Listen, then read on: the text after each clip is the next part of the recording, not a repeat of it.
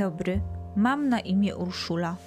Zapraszam Państwa do wysłuchania kolejnego odcinka naszego cyklu Bibliokast subiektywnie o książkach.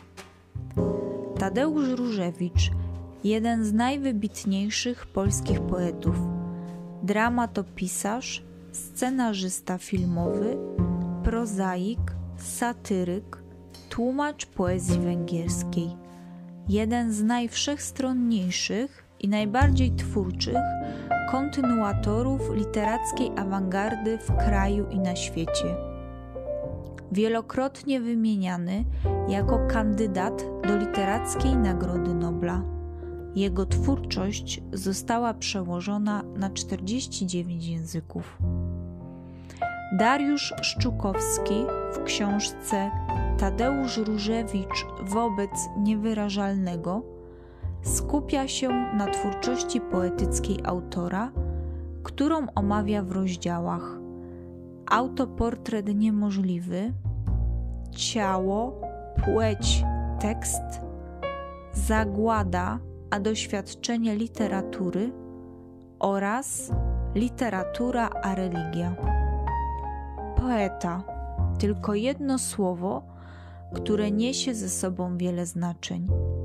Tak jak twórczość Różewicza, którą charakteryzuje prosty język usiłujący nazwać niewyrażalne. Wiersze sprowadzone są do najprostszej leksyki, najczęściej rzeczownikowej. Budulcem poezji staje się zwykłe, codzienne słowo, które wpływa na prozaizację stylu.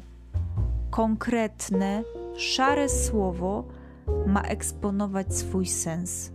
Nie chodzi tu o zachwyt, ale o wywołanie wstrząsu moralnego samą konstrukcją utworu.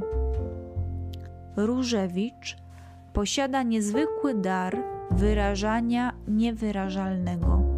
Dar, który swój początek ma w przekleństwie życia po traumie wojny, a raczej z traumą.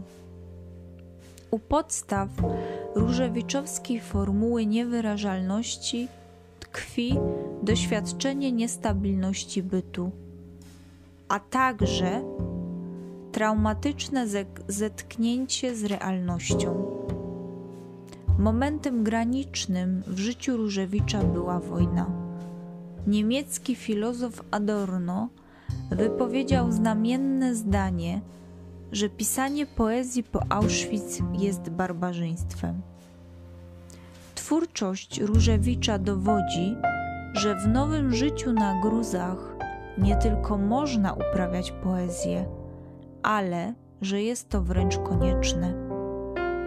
Bohaterem książki Szczukowskiego jest zatem cytuję, Różewicz zmagający się zarówno z formą okaleczonej poezji, jak i z koniecznością przeformułowania konwencji poetyckich oraz etycznych powinności literatury. Koniec cytatu. Różewicz stworzył i konsekwentnie rozwijał własną postać wiersza nowoczesnego polegającego na krótkich, bezrymowych wersach, operowaniu podstawowymi znaczeniami słowa i wydobywaniu jego potencjału przy pomocy podziału na wersy. Jest to tak zwany wiersz skupieniowy, w którym najsilniejsze elementy podkreślone są skupieniem akcentów osiąga najczęściej efekt szoku u odbiorcy, wydobywając znaczenia z pospolitego i banalnego tworzywa słów. Różewicz w opozycji do modernizmu kategorycznie przeciwstawiał się naiwnej wierze w transparentność języka. Słowa mają znaczenie.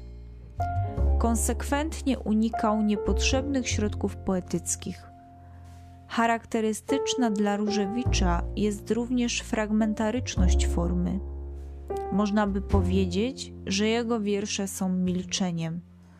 To między innymi dlatego poezja Różewicza stała się poezją wielką, że z nieprawdopodobną wrażliwością i uporem mówi ona o sprawach nie do rozwiązania, o sprawach, o których inni ludzie nie mówią. Poeta nigdy nie ucieka, przeciwnie, wchodzi w sam środek niewygodnych sprzeczności myślowych. Żyć po katastrofie świata, pisać wiersze nie pisząc ich, wołać milczeniem. W jego twórczości nie brak elementów autobiograficznych, których na pierwszy rzut oka często nie możemy rozpoznać, bo umieszczone są w abstrakcyjnym kontekście awangardowym, albo dlatego, że jako ironista i głęboki krytyk rzeczywistości akcentuje wątki i wydarzenia tak, że dajemy się zmylić. Dla Różewicza literatura jest miejscem granicznym, próbą związania doświadczenia jednostkowego z tym, co uniwersalne, próbą oswojenia w porządku symbolicznym realności traumy. Zapraszam do lektury.